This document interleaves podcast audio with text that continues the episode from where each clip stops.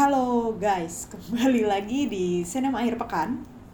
Akhirnya setelah cukup lama kita absen, eh, kali ini balik lagi. Eh, halo, ketemu lagi dengan gue Cipa dan tentu saja ada partner gue Rio. Halo Yo, Halo, halo. gimana kabarnya Yo? Alhamdulillah masih dikasih sehat walaupun nggak podcastan ya. Iya bener, emang gue sama Rio tuh udah jadi orang sibuk ya sekarang. Jadi Eh. eh, sebisanya aja gitu, nggak nggak. Tapi kita spesial lah bikin yang kali ini nih spesial menyambut ada salah satu film terbaik eh, di tahun 2021 menurut gue ya. Iya. Eh, Dan- kita akan ngomongin Yuni ya. Hmm. Dan sebelum ini juga eh, sebelum layar Yuni dan film-film Indo lainnya bakal tergusur sama Spider-Man gitu ya. Benar, benar banget. Jadi eh, ingin nge-hypein aja nih guys, mumpung masih ada gitu ya, mungkin di kota kalian, di tempat kalian. Nah, eh, untuk episode kali ini nggak bakal berdua lagi sama Rio ya, biar makin seru. Eh, kita sudah memanggil bala bantuan ya, Yo ya. Iya. Dari Nah, dekat juga tetangga Yuni ya, tetangga Yuni. iya dari tetangganya Yuni nih ya. Hmm. Ada Indriani nih, gimana? Assalamualaikum Mufti. Salam bro. Ya, ada Indriani nih. Ada Indri Dari- menemani dari mana, kita Cik? ya. Hmm.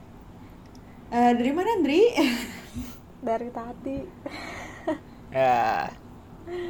Nggak nih buat eh, yang pendengar gitu ya, Indri itu kenapa dibilang tetangga sama gua karena di mana Indri? Tangerangnya? Hmm, rumah gue apa kampung gue? Boleh, bebas. Oh asli Banten nih bro. Eh. Tuh kan emang tetangga Yuni, guys. Emang tetangga ini. Yuni. Ini di mana sih? Punya kedek- faktor kedekatan sosial ya. Ini Iya. tuh Serang ya. Iya, Serang katanya Hmm. Jawa Serang juga kan pakai bahasanya kan. Mm-mm. Benar.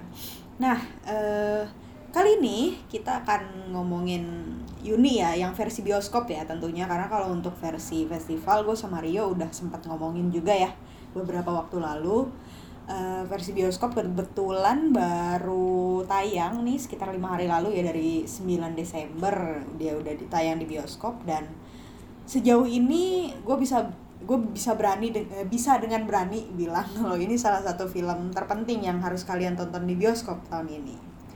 Nah eh, langsung aja kali ya kita kali ini nggak akan ada kayak segmen-segmen juga bakal langsung ngomongin aja eh, kesan pesannya mungkin ya dari eh, kita nonton Yuni nih mungkin siapa yang mau duluan nih guys?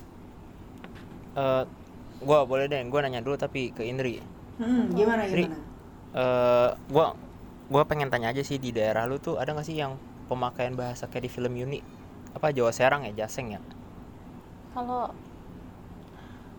setahu gue, seinget gue ya, nggak ada. Maksudnya kalau gue kan Bantennya tuh Banten di Banten sana tuh ujung kulon, hampir ke ujung kulon. Jadi dia Hmm. tuh kuatnya sama eh, Sunda kasar. Jadi nggak nggak campur Jawa, lebih ke ya Sunda tapi kasar gitu. Kalau lu eh, di Bandung kan misalnya punten muhun gitu kalau di situ tuh nggak aing abdi maneh gitu loh nggak ada yang Oh, oke. tapi nggak campur-campur Jawa Nah, kayaknya Indri dulu kali ya, Cip. Boleh boleh karena Iya. dia duluan ya yang nonton Dulu. versi bioskopnya nih. Oh, gitu? Emang iya? Sama Rio. Iya, iya, lo nonton karena- yang waktu itu special screening kan. iya, iya betul Nah, Ya, dan gue ini- sama Rio juga tuh baru dari- tanggal 9 nih. ini berhubung gue Hmm. nontonnya udah lama rada-rada inget-inget lupa nih Oh, iya. Nggak apa-apa sih maksud deh. Satu lagi Tri, Ayo, karena ayo. gua sama Cipa kan pernah nonton yang festivalnya gitu. Ah. Kayaknya lu lu nonton gak sih versi festivalnya? enggak Enggak kan? Nah, main juga kan serba pertama gitu loh. Mungkin Coba. bisa disampaikan dulu mungkin kayak menurut lo nih kesan-kesannya nih film Yuni ini seperti apa gitu. Cerita aja. Hmm. Itu gue kebetulan nonton sendiri gitu ya jadi pas nonton tuh nggak ada teman sharing jadi yang kesan pertama nih yang pas gue nonton film Yuni tuh tentu adegan pertamanya.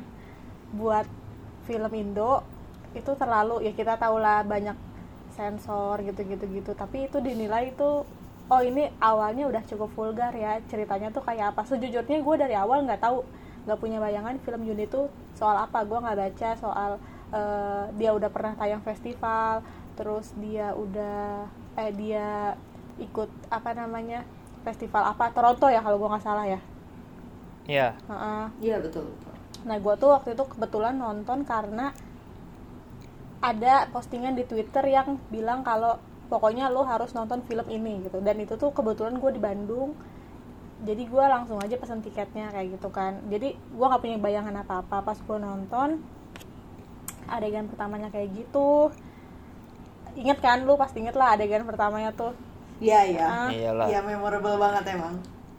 terus eh, dari adegan ke adegan tuh menurut gua ya gue bedahnya dari mana dulu ya sebenarnya gue bingung kalau dari kesan itu film luar biasa maksudnya gua nggak menampik kalau ini tuh filmnya bagus banget gitu kan terlepas dari bahasa daerahnya yang gua bingung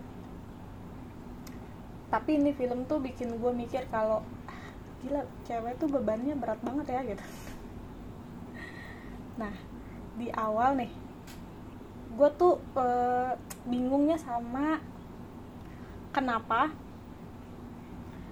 semua semua tokoh semua tokoh yang ada di film ini tuh eh, subjeknya tuh ke Yuni lo tau gak sih maksud gue kayak Gimana gimana?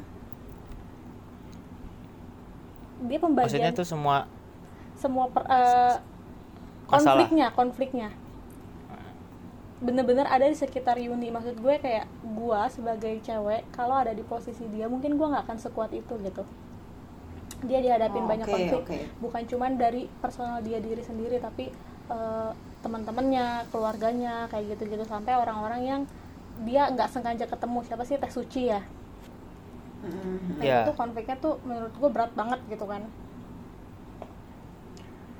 Terus sama ada kekurangan kelebihan menurut gue dari film ini tuh. apa tuh kalau mau Kayak- disebut? Kalau gue eh gue sempat baca nih eh, reviewnya Cipa di Medium yang eh, ninggiin kalau film ini tuh konfliknya banyak banget. Dalam satu film tuh konfliknya banyak. Menurut gue itu jadi kekurangan dari gue. Mhm. karena jadi nggak fokus gitu loh terlalu banyak isu yang diangkat sebenarnya itu bagus maksudnya gue nggak bilang itu jelek tapi buat gue sendiri itu jadi kekurangan karena gue nggak fokus gitu kalau menurut kalian Ya. Oke, eh, oke. masalah nggak sih film eh, ada banyak konflik di dalamnya kayak gitu Eh, mungkin gua dulu cip ya karena gua kan Boleh, boleh. satu cowok di sini gitu. Nah, kalau gua sih gue setuju sama Indri karena eh, yang membuat gua kan nonton dua versi nih. Yang versi di bioskop ini agak kurang ya sedikit kurang powerful karena ada beberapa isu yang diangkat tuh bridgingnya tuh cepet gitu loh. Yang gue perhatiin tuh lebih ke eh ASI sih ASI. ASI ah ini kan iya benar-benar. itu gua gua nggak suka banget karena eh, kita cuma dikenalin sama omongan ibunya gitu kan kalau Asi ini eh, punya kerjaan jadi TKI lah di Hong Kong gitu udah sukses terus udah nggak jadi pembantu udah punya bisnis sendiri gitu tiba-tiba ternyata di akhir kita di, eh, dikasih tahu nih ternyata ini sosok Asi yang sekarang dengan problematikanya sendiri. Cuma maksudnya menjadi pertanyaan adalah bagaimana bisa dia ngirim duit yang membuat ibunya bisa sombong seperti itu gitu. Hmm. dan tiba-tiba juga isunya kita kalau Pak Damar kan oke lah ya kita tahu lah sosoknya dari ya mungkin jadi kayaknya baik nih orang gitu kan baik nih. Tiba-tiba jadi ya anjir sama aja gitu kan. Manfaatin eh, Yuni juga buat menyelesaikan masalahnya. Itu aja sih gua setuju karena banyaknya konflik tadi tuh jadi ada yang ada yang benar-benar digarap dengan baik eh pesannya nyampe ada yang kayak cuma sekedar ini gue pengen ngebahas soal ini. Memaksa Gua pengen semua bahas isu soal masuk itu. dalam satu film gak sih? Iya jadi semua isu masuk kan ya itu gue gue sepakat sama Indri di situ. Karena gue mengalami pas di ending kayak lah kocak. Gitu aja. Kalau lu cip gimana cip? Eh, kalau gue setuju nggak setuju sih ya yo. Ada Hmm. ya part yang gue nggak eh, gue setuju sama lo eh, Hmm. bahwa memang banyaknya konflik ini eh, sama lo sama Indri bahwa banyaknya konflik ini agak membingungkan ya. Karena khususnya di ceritanya Teh Asih dan eh, Pak Damar gitu ya. Hmm. mereka nggak dikasih cukup ruang gitu buat eh, buat menceritakan kisah mereka sendiri gitu. Yang sebenarnya mungkin eh, in a way gue juga kemarin agak menjelaskan juga kenapa bisa kayak gitu. Gue juga kemarin sempat ngikut sebentar juga ada space-nya di Twitter sama sutradaranya ya sama Iya. Kamil Andini nah dia jelasin bahwa ya itu semata-mata karena keterbatasan durasi ya Hmm. Nah itu dia. Keterbatasan durasi kuncinya di sini. Agak memang agak susah ya. Makanya Hmm. emang gue sangat menyayangkan. Gue setuju banget yang sama lo yang yang Teh Asi sih. Sebenarnya karena Teh Asi ini punya cerita yang menurut gue sangat sangat powerful sih yo. Kalau mau diceritakan secara lebih secara lebih real gitu lebih lebih banyak gitu. Tapi di sisi lain kayak ini kan film ini kayak kita melihat seperti sahabatnya Yuni gitu kayak kita mengikuti kehidupannya Yuni kan di, di- selalu berada di samping dia. Nah sementara eh, semua itu terlihat begitu banyak berantakan dan memusingkan karena ya kehidupan manusia kayak gitu nggak sih? Hmm. kayak kita nggak eh, nggak mungkin hanya eh, hanya men- eh, mengalami satu masalah doang gitu dalam dalam satu waktu. Kayak bertubi-tubi tuh pasti sering gitu dan kayak konflik-konflik yang kayak gitu. Terus kayak pernik- eh, kalau di Yuni kan ada pernikahan dini ada seksualitas remaja. Dia sebagai remaja ya emang ma- emang emang kehidupannya seberantakan itu sih menurut gue jadi eh, yang selalu gue sebut dari awal ya film Yuni ini sangat realistis. Nah salah satunya realistisnya ya itu eh, it's messy gitu. Memang sangat berantakan dan ya apa adanya gitu. Itu yang itu kenapa gue cukup eh, suka gitu dengan eh, dengan banyak konflik yang dimasukin. Karena memang itu semua realistis realitanya memang dihadapi sama Yuni ya sebanyak itu. Cuman ya memang disayangkan ya karena durasi gitu kan. Jadi nggak banyak eh, konflik yang dibahas gitu yo. Kalau gue Iya. sih gitu ya kalau soal itu. Iya ya setuju. Karena gue juga eh, lagi nggak sempet buat dengerin space-nya kan Di- karena gue keterbatasan durasi buat isu lain ternyata salah satu yang gue omongin juga dibahas gitu kan di situ. Ya betul betul. Tapi nah hmm? eh sedih nggak sih nontonnya? Maksudnya after testnya gitu? Kayak gue after, Kayak bukan after sedih. taste-nya agak harus kayak diem dulu gitu ya. Kayak merenung gitu sebentar gitu. Gue nggak sampai nangis sih cuman kayak gue kayak terasa menohok aja di hati gue sih. Kayaknya kalau gue bukan sedih lebih ke marah kali ya.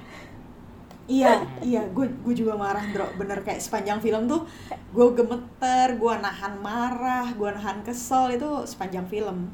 Kok kok banyak yang ih kok ini? Iya kayak "Ih, anjing anjing gitu.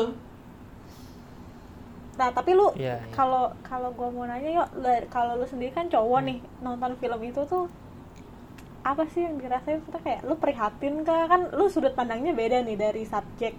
Ah ya gue gua gue prihatin lah. Gue gue lebih suka versi yang lebih singkat sih. Maksudnya kan bioskop kan durasinya dua jam. Hmm. yang festival tuh satu setengah jam. Karena eh, yang karena singkat itu tadi karena semua permasalahannya emang emang sama sih emang bertumpuk pada Yuni juga gitu. Cuma eh, pas ada adegan soal neneng gitu itu powerful banget di situ kan. Karena eh kita kan kita kenalan sama Yuni terus gitu yang benar-benar powerful punya kemauan punya keinginan yang kuat. Neneng ya sebagai saat sebagai orang yang di sampingnya Yuni gitu kan ternyata harus menerima hal seperti itu. Dan adegan pernikahannya itu menurut gue benar-benar berkesan gitu pertama gue adalah orang yang nonton eh, film itu. Kalau film yang kedua ternyata nggak nggak berkesan banget gitu. Orang yang nonton kedua kali itu nggak cocok lah. Jadi film per- film pertama gue benar-benar sedih di bagian neneng. Film kedua gue nggak terlalu sedih lagi. Cuma di ending gue di ending yang yang Yuni itu yang dia eh, kabur dari pernikahan habis itu kan dia berenang gitu kan. Itu menurut gue powerful banget. Terus yang kedua ketika lagunya mimpi terus joget-joget nyanyi-nyanyi eh nggak joget ya nari-nari eh, nyanyi itu menurut gue kurang karena eh, terlalu apa ya jadinya itu sosok bukan berfokus pada Yuni lagi gitu Hmm, Itu. menarik menarik tapi ya kalau Kalau- lu berdua- deh kalau menurut kalian Apa? eh, seberapa Hmm. dekat sih isu-isu yang ada di film Yuni itu di kehidupan keseharian kali ini? Siapa hostnya? Gue apa kalian ya? Tapi gue penasaran. Maksudnya eh, dari banyak yang gue baca gitu ya review atau komentar singkat kayak iya ini loh yang dihadapin cewek-cewek atau wanita-wanita di sekeliling kita satu satu dua sedikit banyak. Kalau dari kalian tuh sebenarnya seberapa dekat gitu isu-isu itu?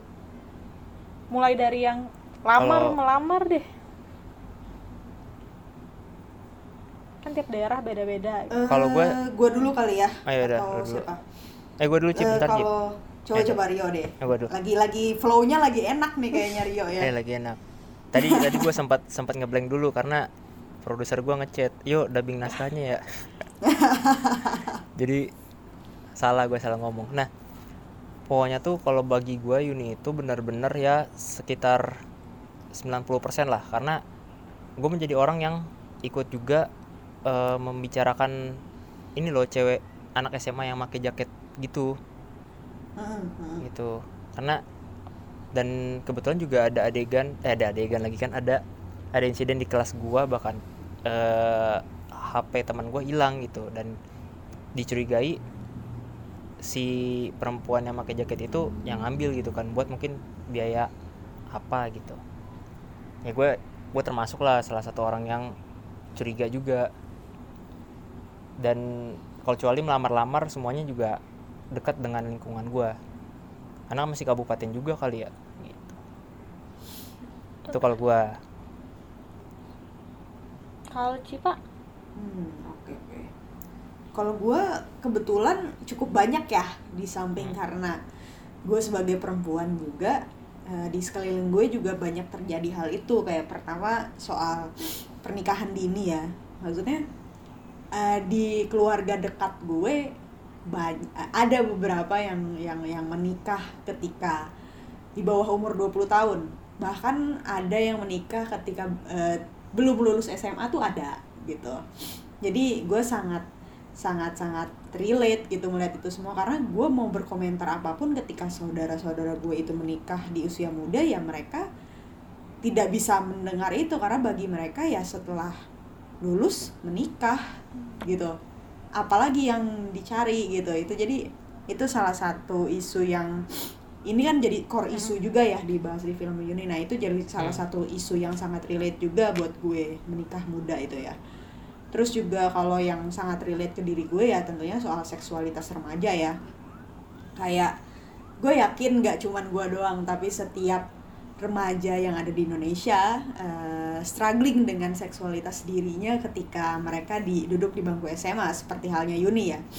Karena kan di sini seks edukasi tidak tidak dibuka seterbuka itu gitu.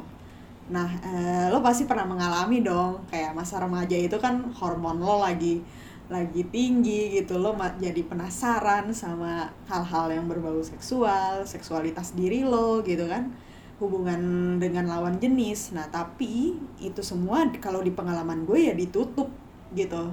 Kayak lo nggak boleh nanya-nanya gitu. Itu nggak sopan atau itu nggak pantas. Apalagi cewek yang itu bukan nanya. sesuatu yang pantas untuk oh iya apalagi cewek. Gue nggak bisa menanyakan itu di rumah gue. Sangat-sangat tabu gitu di lingkungan keluarga gue gitu mau bertanya ngobrol sama teman-teman kayak Yuni akhirnya. Tapi kan kita semua sama-sama nggak tahu ya. Sama sama-sama bodoh gitu.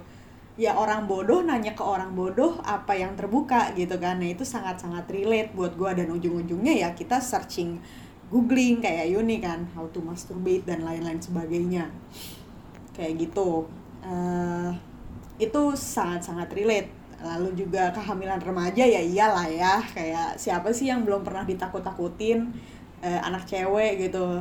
Jangan pulang malam jangan pacar-pacaran hamil hamil eh, bisa hamil dan lain sebagainya kayak gitu. Diomongin lah kayak tadi Rio kan ada yang pakai jaket itu temen lo kayaknya dia hamil bla bla bla bla bla itu ada di sekitar gue. Pasti ada gue yakin sebagai anak Indonesia tuh ada gitu. Eh, lalu juga gue sempet menyinggung yang soal kebebasan berkehendak buat perempuan ya.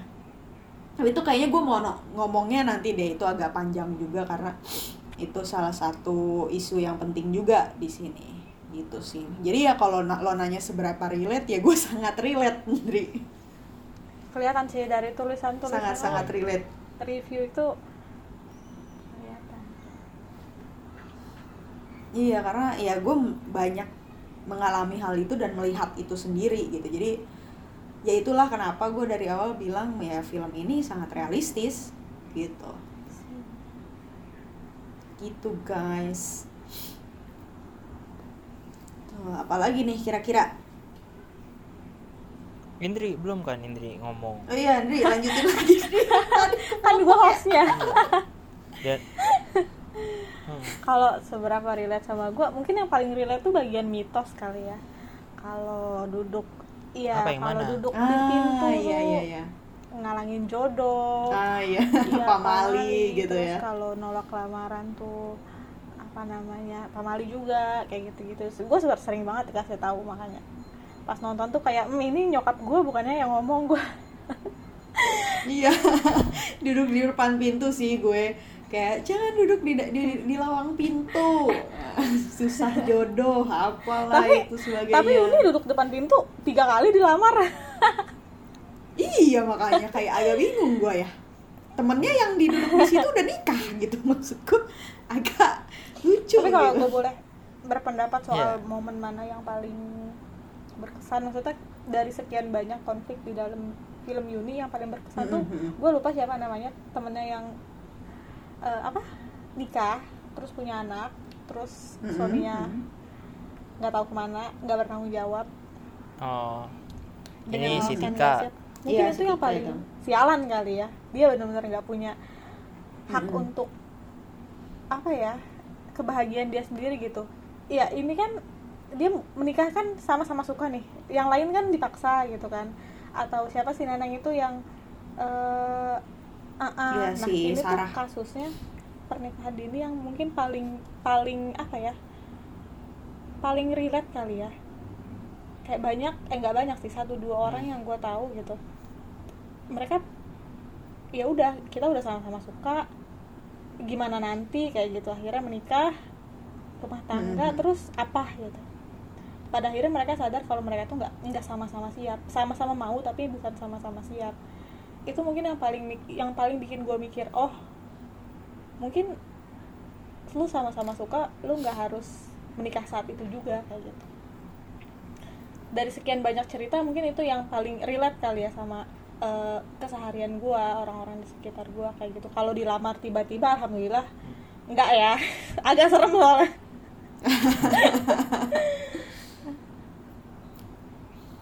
tapi jarang loh yang sebutin adegan Tika berkesan banget gitu karena kayaknya banyak yang fokus ke Neneng sama Yuni juga sih kayaknya ya. Atau mungkin Pak Damar gitu. Kalau gue lihat dari review mm. ini masa review gitu di berbagai platform. Ya karena ada satu dua orang yang cerita maksudnya kayak eh, lu ke mana nih? Kemarin nikah hahihi pas gua baru kuliah pas gua baru pas gua lagi skripsi mereka sudah gendong anak terus sekarang pas gua masih struggling gua mau ke mana ya abis ini? Mereka udah nggak ada suaminya gitu. Nggak tahu ke mana nggak jelas. Menurut gue itu yang itu yang paling melelahkan gak sih? Lu lu nyentuhin itu Ya, bareng-bareng setuju. tapi akhirnya keputusan itu nggak nggak nggak berjalan sesuai rencana gitu loh mungkin kenapa dia membekas di Iya, kepala iya. gue mungkin karena ada korelasi kali ya. Yang lainnya juga ini sih maksudnya membekas tapi yang paling gue inget kisahnya tuh yang itu. Terus gue benci gimana kalau gimana perempuan tuh dibayar dengan mahar dibawain uang terus mereka boleh atau mereka tuh berhak untuk memiliki gitu. Dengan berapa sih dibawain duit tuh? Gue lupa deh 25 25 juta 25 juta Sekarang mah kita bisa nyari Gila sendiri ya, ya sih? satu motor anjing emang.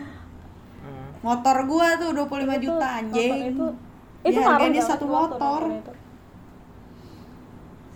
Ih, apa ya terus kayak kalau kurang bilang aja tetap aja mereka tuh menghargai wanita cuma sebatas materi gitu tapi menurut kalian ada cerita atau bagian Yuni di film Yuni tuh yang sebenarnya nggak perlu ada gitu eh, ini sih apa ya bagian yang suara adalah aurat gitu loh. Karena mau versi yang dua versi tersebut gue nggak nggak bisa melihat dengan jelas kalau Yuni itu adalah orang yang benar-benar mencintai musik. Sela- kalau di di versi yang singkat itu di festival udah sebagai bahan bridging aja kayak Yun kata Rohis nggak boleh suara aurat gitu nah Iya, kita iya. juga nggak dikasih lihat kalau Rohis itu benar-benar powerful di situ gitu kan. Bahkan kalau di sekolah gue ya yang paling powerful itu pas Kibra bukan Rohis gitu kan. Iya maksudnya di situ. Terus eh, yang ke- di versi yang bioskop ketika tiba-tiba ngomong kan eh apa namanya kamu bersuara aja karena eh, mereka nggak ngerasain kalau gak punya suara seperti apa gitu.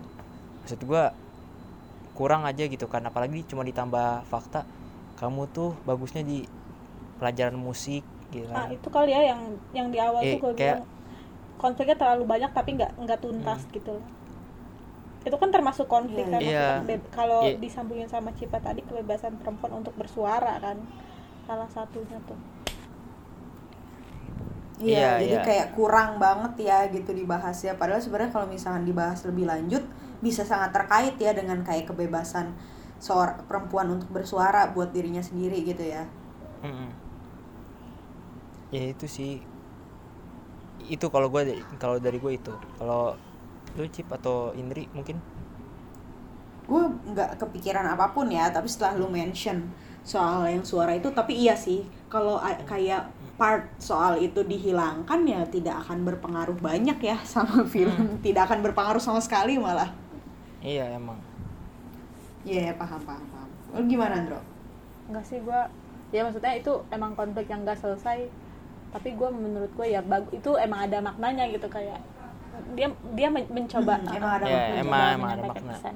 jadi ada atau nggak ada ya sama aja dia ya nggak perlu dihilangin juga sih cuman gue penasaran aja ada nggak sih Oh. maksudnya menurut kalian kalau menurut gue sih nggak ada gitu kalau dari lu nggak ada iya ya paling itu sih gue cuma menyayangkan beberapa hal aja karena kehadiran si Lady Rocker itu kayak kurang aja gitu kalau yang asih oke lah karena beberapa kali disebut dan dikira gue malah oh ini ini orang suka nih sama Yuni gitu kan ya Karena mungkin bakal ngeliatin terus, gue Iya. juga gue juga ngeh gitu kayak ih kenapa nih orang gitu kok Iya. ngeliatin terus ya. Terus ketika dibuka dia teh asih ternyata anjrit, gue di situ kayak sakit hati banget.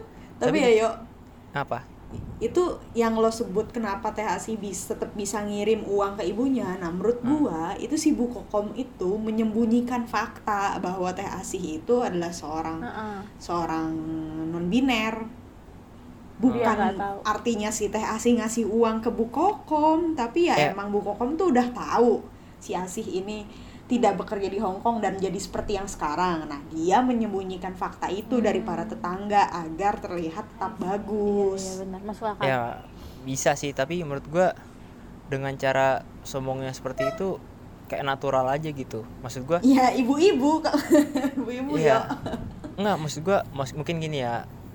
Mungkin sempat ketemu atau mungkin ada rasa ya mungkin perbedaan gitu kan di depan orang seperti ini ternyata iya dia tahu gitu kan. Gua gua berharap Mm-mm. setelah lu ngomong adalah satu scene atau beberapa hal kayak tahu gitu kan.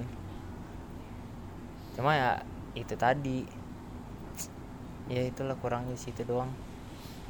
Sama ini sih kayak kayaknya eh Marisa Anita tuh gimana tuh? wah cakep bener dah itu dia mainnya nggak ngerti lagi gua mainnya bagus bagus terus dah dia kenapa emang karakternya yuk Apa? Enggak kayaknya Emang kenapa menurut lo gua gua gua keinget sama ini sih adegan di akhir gitu kan. Maksudnya eh Marisa Anita ya bagus gitu kan. Maksudnya yang lain kan kayak terbuka menelanjangi diri dengan eh diiringi lagu mimpi gitu kan. Itu kayaknya punya permasalahan konflik hidup masing-masing gitu. Cuma gua nggak ngeliat Marisa Anita hadir di situ tuh karena ada sesuatu yang besar menimpa dia gitu ada yo lu, Oh, lu ada. ini yang nggak ngeh ya apa kan si si bulis ini kan eh, cabut kan untuk menempuh pendidikan lagi ceritanya Ah. nah Ah, terus mereka dia kan ngobrol kan sama si Yuni di masjid kayak selama ini impi- eh, mimpinya si ibu ini untuk mengubah kehidupan anak-anak di desanya untuk membantu mereka meraih mimpi kuliah gitu untuk tidak menikah muda gitu. Hmm, tapi dia kan selalu ditekan sama kepala sekolah gitu kan sama sama eh, orang tua orang tua murid yang memang tidak ingin anak-anaknya nggak perlulah untuk untuk eh, untuk kuliah atau untuk eh, sukses gitu ya cukup eh, perempuan cukup menikah aja gitu.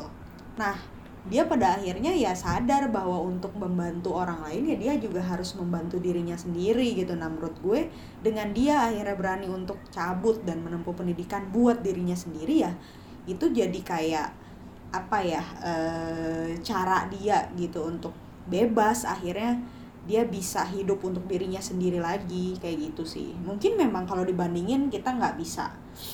Ya kalau bilang berat nggak berat ya memang masalahnya tidak se signifikan yang lain gitu ya ya mungkin iya maksud itu maksud kayak gua di gitu ya. Ah, ah. cuman ya menurut gue tetap eh, setiap masalah yang dialami sama seseorang sama beratnya sih.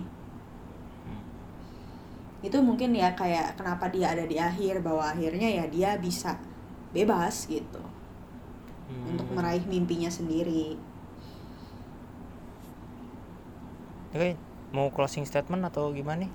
tadi Cipa benar apa ya? Masih ada Gua yang mau masih diomongin nggak? banyak nih kayaknya ya. yang belum beres tadi soal yang mana yang mana yang mana? Meng- apa? Suara perempuan itu loh. Yang lu bilang yang akan hmm, oh yang bebas yang lu berkehendak ya. akan agak panjang jadi lu akan taruh di akhir.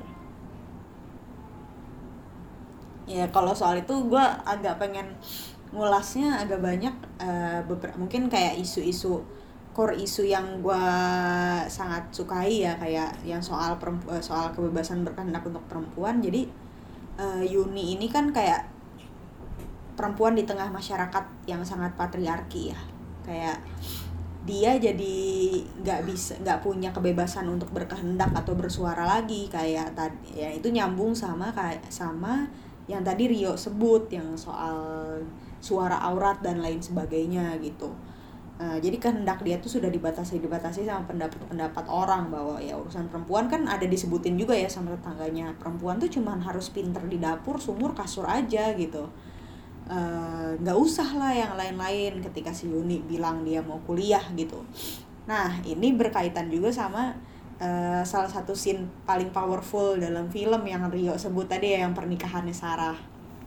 Jadi kayak Ya. ini Sarah sama Yuni ini dua sahabat yang punya sikap yang sangat berbeda gitu ya. Kalau Yuni itu digambarkan bukan sosok gadis remaja yang manut-manut aja gitu ya. Dia cukup berani menurut gue dia berani bertanya dia berani ngelawan berani nolak lamaran itu sangat-sangat berani gitu. Eh, nah sementara si Sarah ini kan eh, manut-manut aja ya. Iya. gue mengakui nih si Neneng Risma nih mainnya bagus banget ya di sini. Padahal kan sebelum-sebelumnya dia selalu main sebagai Hmm. karakter yang lucu gitu ya ya Hmm. kayak, kayak karena dia kok komika ya kalau nggak salah ya si Neneng Risma ini ya Ya backgroundnya kayak gitulah. Iya, jadi kayak gue agak takjub juga ternyata dia bisa berperan sangat sangat eh, cukup serius gitu di sini. Nah dia Sarah ini orang yang manut-manut aja gitu. Dia jadi korban orang-orang yang m- menyebut diri mereka sendiri mungkin kayak polisi moral kali ya kayak. Nah si Sarah ini kayak Yuni sih menurut gue walaupun dia tidak pernah secara gamblang menyebutkan bahwa ingin kuliah dan lain sebagainya, tapi dia jelas-jelas tidak siap atau dan tidak mau untuk menikah gitu. Tapi karena kejadian dijebak sama orang-orang goblok itu ya akhirnya Sarah dipaksa menikah dan dia nggak bisa melawan gitu. Nah ini kayak gambaran bahwa jadi perempuan itu ya nggak bisa punya kehendaknya sendiri apalagi di tengah masyarakat patriarki yang sangat-sangat kolot gitu. Nah, itu juga eh, terjadi di Yuni mimpi Yuni, eh, Yuni kan sebagai remaja ya selalu ditekan gitu ya mau ja- ma- kamu selanjutnya setelah kuliah eh, lulus mau ke mana gitu mau ngapain? Kayak lo pasti pernah ditanyain gitu dong at some point ketika SMA ya tapi lo nggak tahu men. Lo sebagai remaja ya Gambling, lo ya, remaja emang nggak tahu apa-apa nggak sih? Emang gambling kan? Jadi kayak ya nggak tahu lo ditanya mimpi lo apa? Gue nggak tahu gitu. Ya Yuni juga sama. Dia belum tahu mimpinya tuh apa tapi baru juga mau punya mimpi nih. Iya. tapi udah dihancurin sama tetangga tetangganya sama temen-temennya sama guru sama perempuan-perempuan lain yang ada di lingkungan hidupnya bahwa ya jadi perempuan ya cuman bakal ngurus suami doang gitu. Nah itu gue sakit hati banget sih ketika kejadian-kejadian itu terjadi gitu. Itu gue gue gue sakit hati banget. Gitu. Itu sih kalau soal berkehendak. Eh kebebasan berkehendak untuk eh, perempuan ya di tengah masyarakat patriarki yang sangat-sangat realistis digambarkan sama Yuni gitu. Eh, selanjutnya mungkin gue mau nanya deh kayak kalian punya adegan favorit nggak sih di Yuni ini yang benar-benar menurut kalian anjing bagus banget gitu atau sangat impactful gitu? Gua apa nih kira-kira? Ya udah duluan. Nah ya tadi sih udah disebut juga kan si yang- Neneng Risma itu Neneng- ya iya, pernikahan Neneng. ya. Ya itu Ah, bagus ya emang. Itu udah terbaik lah karena ya si- siapa sih yang bisa nolak terus juga disebutin juga kan kontradiksinya sama lu mah bisa gua nggak bisa gitu. Ya, itu udah Iya, iya. terbaik gitu kan. Ditambah acara pernikahannya bukannya seneng gitu kan. Nangis Ah, dan semua nangis. teman-temannya juga nangis gitu. Gue kayak anjing gue juga ngeliat sahabat gue digituin nangis gue eh makanya kan. Kalau Edri? kalau kalau cerita eh kalau konflik yang paling gue suka konfliknya siapa tadi? Tika. Tapi kalau adegan Ah, paling Tika. powerful ya Sin? Gue gak tahu sih ini powerful apa enggak gue anggapnya ini justru aneh tapi membekas gitu loh. Bagian ketika Yuni dibilang kalau lo tuh harus Ah, oke. lo tuh harus eh, apa ya ya nggak boleh pergaulan bebas jaga jaga keperawanan dan pada akhirnya dia malah melanggar itu semua dengan si Kevin itu. Menurut gue tuh kayak yang Oh, oh ini tuh terlalu berani Iya, ya iya, maksudnya iya. gitu. Jadi kayak ya meskipun adegannya juga aneh gitu ya kalau lu lihat kayak ya maksa tapi di situ gue ngedapet kayak ini tuh orang bener-bener nggak dari aw- ini kan kayaknya itu kejadian di tengah-tengah film ya. Belum belum akhir banget kan. Hmm. belum tahu bagian Pak Damar ini. Nah itu tuh gue gue udah kepikiran ending oh sampai akhir ini orang akan rebel kayak gitu. Sifat Yuni tuh di gue ketahuan eh, eh, kuat pas adegan itu. Bahkan dia udah sampai hampir eh, udah tahap nggak peduli sama apa kata orang. Yang penting gue hidup atas nama gue sendiri atas di atas kaki gue sendiri kayak gitu. Lanjut cip. Lu cip. Oke oke. Ini belum hmm. Eh, kalau menurut gue gue sangat suka adegan potong kuku sama ayahnya ya. Yuni sama ayahnya. Eh, itu adegannya simpel sih. Eh, si Yuni cuma nanya kayak kalau su- cu- su- kalau dia suka gitu sama perempuan kayak teh asih ayahnya masih nganggep dia sebagai anak nggak gitu? Eh, ayahnya cuman kayak bisa sempat terkejut ya tentunya nah tapi dia menyambungkan juga sama pengalaman bosnya waktu itu. Eh, jawabannya ayah Yuni sampai sekarang masih terngiang-ngiang sih intinya kayak eh, yang jelas ya hidup eh, hidup di hidup Yuni gitu mungkin kalau seperti itu akan sangat sulit gitu tapi dia bilang hidup apa sih yang nggak sulit? gitu. Semua hidup kan kayak pasti sulit ya bener gitu. Cuman ya letak kesulitannya aja beda. Terus eh, dia nyambung lagi ini yang menurut gue lain paling ngaco sih yang paling anjrit gitu.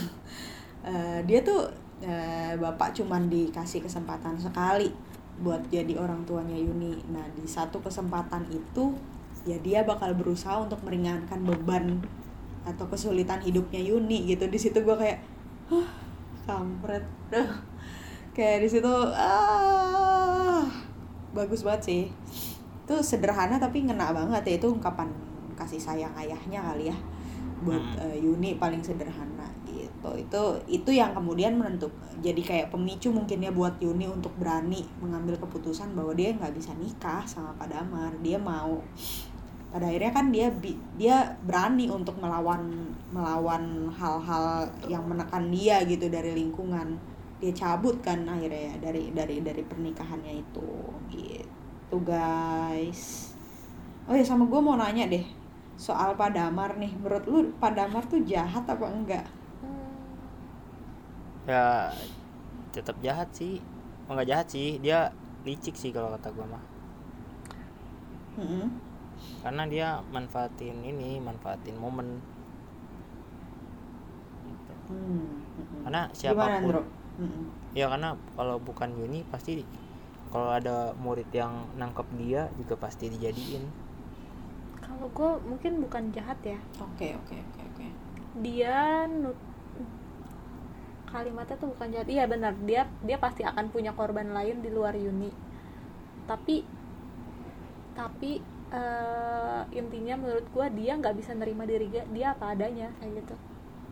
Kenapa dia harus maksa Yuni untuk menerima keadaan dia? Kalau dia nerima diri dia apa adanya dia akan bilang sama orang tuanya. Dia akan mengakui bahwa dia tuh kayak gini loh kayak gitu. Jadi kedok dia atau permukaan dia yang alim terus berwibawa menurut gue itu langsung luntur semua. Karena padahal kalau dia jujur maksud kalau dia yang nggak sampai mengorbankan Yuni ya dia menurut gue nggak kenapa-napa banyak orang kayak gitu maksudnya gue bukan yang bukan yang menentang gitu ya cuman ketika dia nggak bisa nerima diri dia dan mengorbankan orang lain menurut gue itu salah gitu aja sih Hmm. Iya ya, setuju setuju. Kayak Pak Damar it's not absolute villain gitu ya. Lo nggak bisa memandang itu sebagai hitam putih. Eh, Pak Damar juga jadi korban sih menurut gue dari Lingkungan. dari dari lingkungan patriarki yang menuntut dia untuk jadi laki-laki sejati, punya eh, punya pekerjaan bagus, jadi laki-laki yang maskulin, punya istri, punya anak, punya keluarga gitu. Nah, kebetulan Yuni melihat eh, itu semua gitu dia ketika memakai jilbab. Nah, di situ dia posisinya karena desperate, tertekan tertekan oleh lingkungan dan ekspektasi ya dia akhirnya melakukan abuse of power pada Yuni. Dia memanfaatkan nih Yuni murid gue yang memang sudah punya crush kan sama dia. Sudah sudah sudah memandang dia dengan hormat gitu. Apalagi mau ujian kan disebutin dong pas Yes. lamaran lo pasti notice deh kayak sebentar lagi ujian saya akan melakukan apa pun untuk membantu supaya Yuni bisa menjalankan ujian dengan baik nah itu kan kayak secara nggak langsung lo kayak kalau Yuni nolak nilai nilainya ya. jelek nih kayak nggak bisa kuliah dong gitu karena kan dia sangat-sangat bergantung Agak pada nilai sastra ya. itu kan ya Iya, manipulatif juga gitu. Jadi ya, tapi kalau dibilang penjahat banget ya enggak ya. Dia melakukan Oh, enggak. itu ya karena dia ditekan, tertekan sama sama lingkungan. nah tapi ini sih gua tambahin juga terkait Pak Damar gitu gua lebih concern ke pelajarannya di Indo kayaknya nggak sepowerful enggak konteksnya di situ Yuni nggak Nah, ya maksudnya sastra tuh bukan bukan kemampuan dia gitu kayak gue dulu ah, ah. iya jadi padahal dia orang merasa lain kan dia bilang gitu ini tuh sebenarnya nggak sulit cuman ya Hmm. kamu emang nggak di sini maksudnya power kamu nggak di sini kayak lu pernah nggak sih sekolah terus nilai bahasa Indonesia lu kok kecil padahal itu bahasa sehari-hari lu gitu.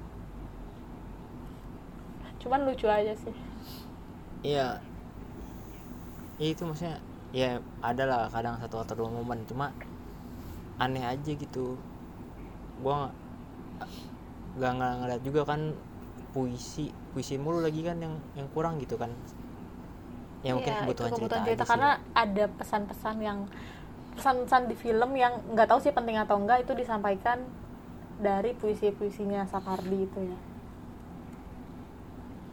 Iya. Ya maksudnya juga gini kan, kadang kan lu cuma butuh cuma dua atau tiga pertemuan udah kelar bahasan lain gitu kan. Kalau misal nih satu bulan dua bulan puisi dua bulan berikutnya cerpen kan bisa kan gitu kan Iya iya, benar. itu doang yang gue jadi catatan kecil aja sih itu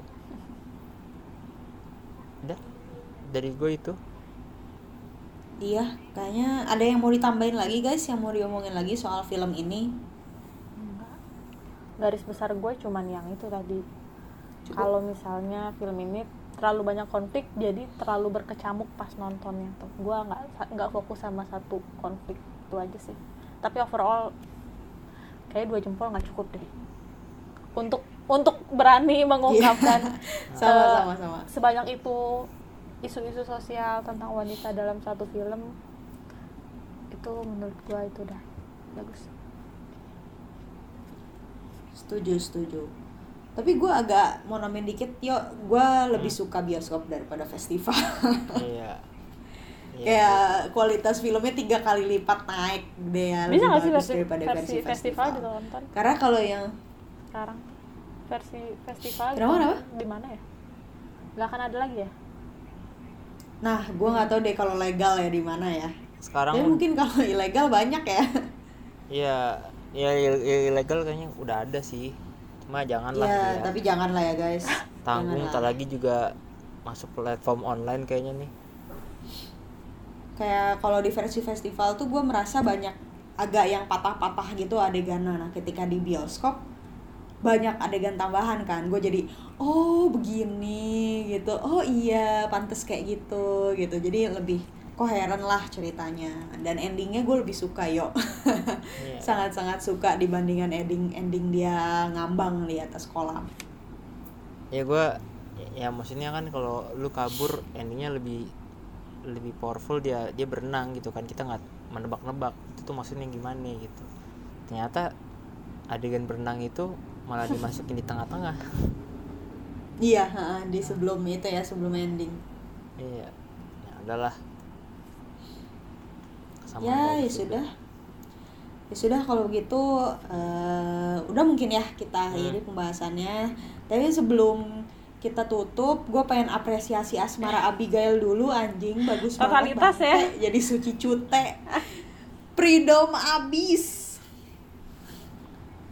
emang bener-bener kayak dia range-nya tuh jauh banget gitu ya filmnya setelah tapi gue sangat-sangat seneng sih setelah melihat acting dia yang jelek banget itu ya di World Iya. Without gitu terus dia main bagus banget gitu di sini gue agak terkejut dan kayak oke asmara gitu sebagai suci cute karena line freedom abis itu improve improvisasi sendiri Oh, ya? dari suci cute guys dari asmara Abigail sumpah keren banget emang tuh orang improvisasi si goblok kepikiran aja freedom freedom abis tuh gimana? Gitu kepikirannya agak bingung gue tapi emang ya. karakternya mirip-mirip sih sama yang di World Without juga gitu kan karena iya agak-agak centil ya tapi di sini kok lebih bagus ya yo ya, ya emang lebih kenapa ya? lah naskahnya lah.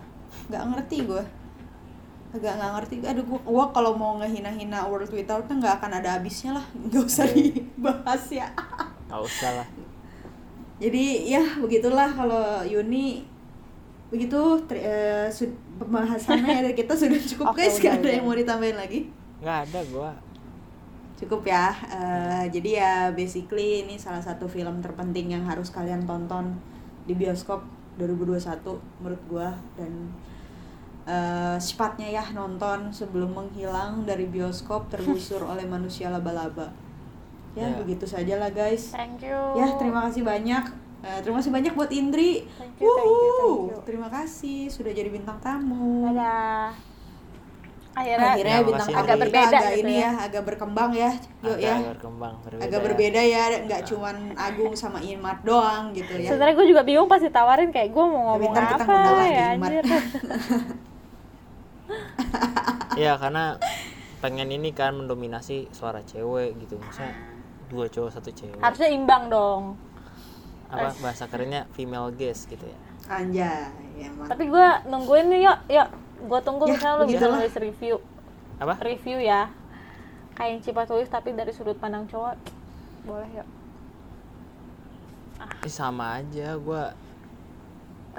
Lah ya udah gampang. Dikasih PR anjir Lihat. anjay. Kasih PR Oke gampang ya oke lah kalau begitu kita akhiri ya episode kali ini. Terima kasih teman-teman sudah mendengarkan. Terima kasih Indri sudah rela bergabung ya bersama gue dan Rio di sinema akhir pekan. Eh, terima kasih. Eh, kita akhiri dulu sampai bertemu lagi. Mudah-mudahan di nextnya kita bakal ngomongin Spider-Man No Way Home ya, yo ya, insya Iya, Allah kemungkinan besar Cepatnya karena gue dan Rio kebetulan dapat di hari pertama ya, gue sama Indro juga hari pertama nih. Ah, ya Jadi Hari pertama, kita biar akan menghindari spoiler. Iya, menghindari spoiler. Jadi Bismillahirrahmanirrahim. Saya akhiri dulu. Dadah. Terima kasih guys. Dadah. udah